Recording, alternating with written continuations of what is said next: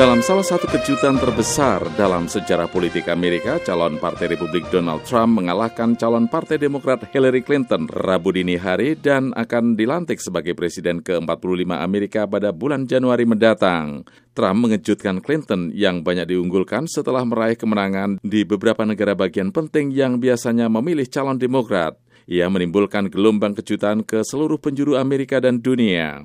Situasi demikian tidak pernah terbayangkan beberapa jam sebelumnya. Donald Trump yang ketinggalan dalam jajak pendapat hampir di sepanjang kampanyenya muncul sebagai pemenang pemilihan Presiden Amerika.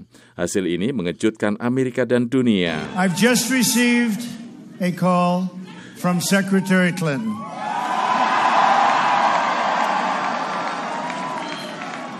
Saya baru menerima telepon dari Clinton. Ia memberi ucapan selamat kepada kita. Ini tentang kita, dan saya menyampaikan selamat kepadanya atas kampanyenya yang diperjuangkan dengan sangat berat. Maksud saya, ia berjuang sangat keras. Trump segera menyampaikan pernyataan bersifat damai setelah kampanye panjang dan sengit yang telah menimbulkan perpecahan di Amerika.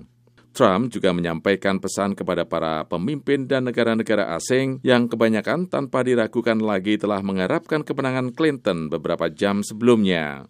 Now it's time for America to bind the wounds of division. Have to get together. Sekarang saatnya bagi Amerika untuk mengobati luka-luka perpecahan. Kita harus bersatu bagi seluruh kalangan Republik dan Demokrat dan independen di seluruh negeri ini saya katakan inilah saatnya bagi kita untuk berkumpul sebagai bangsa yang bersatu.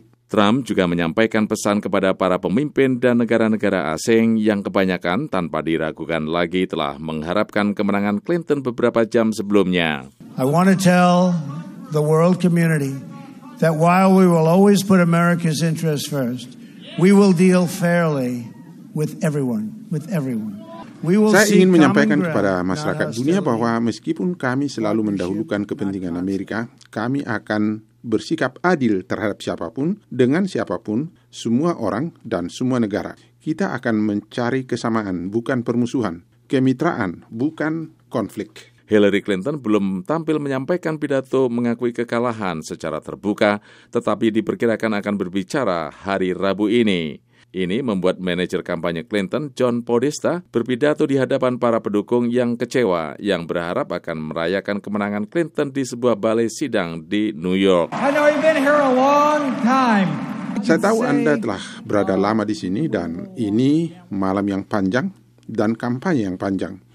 Tetapi bisa saya katakan kita dapat menunggu lebih lama sedikit, bukan? Kubu Republik juga mempertahankan kontrol mereka di Senat dan Dewan Perwakilan Rakyat. Trump menang di beberapa negara bagian kunci yang mencakup Florida, Ohio, North Carolina, dan bahkan Wisconsin yang terakhir kali memilih calon republik pada tahun 1984. Trump menang dengan meraih dukungan besar dari kalangan pekerja kulit putih, kata pakar David Schultz.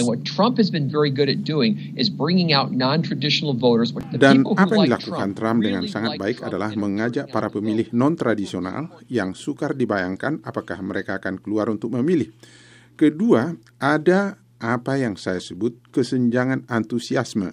Rakyat yang menyukai Trump memang benar-benar menyukainya dan mereka keluar untuk memberikan suara. Mereka yang mendukung Clinton tidak seantusias itu. Sementara sebagian analis menganggap presiden terpilih tidak bisa ditebak dalam hal kebijakan luar negeri, mereka akan melihat pilihan kabinet dan jabatan-jabatan penting lainnya sebagai petunjuk bagaimana pendekatan Gedung Putih terhadap isu-isu dunia.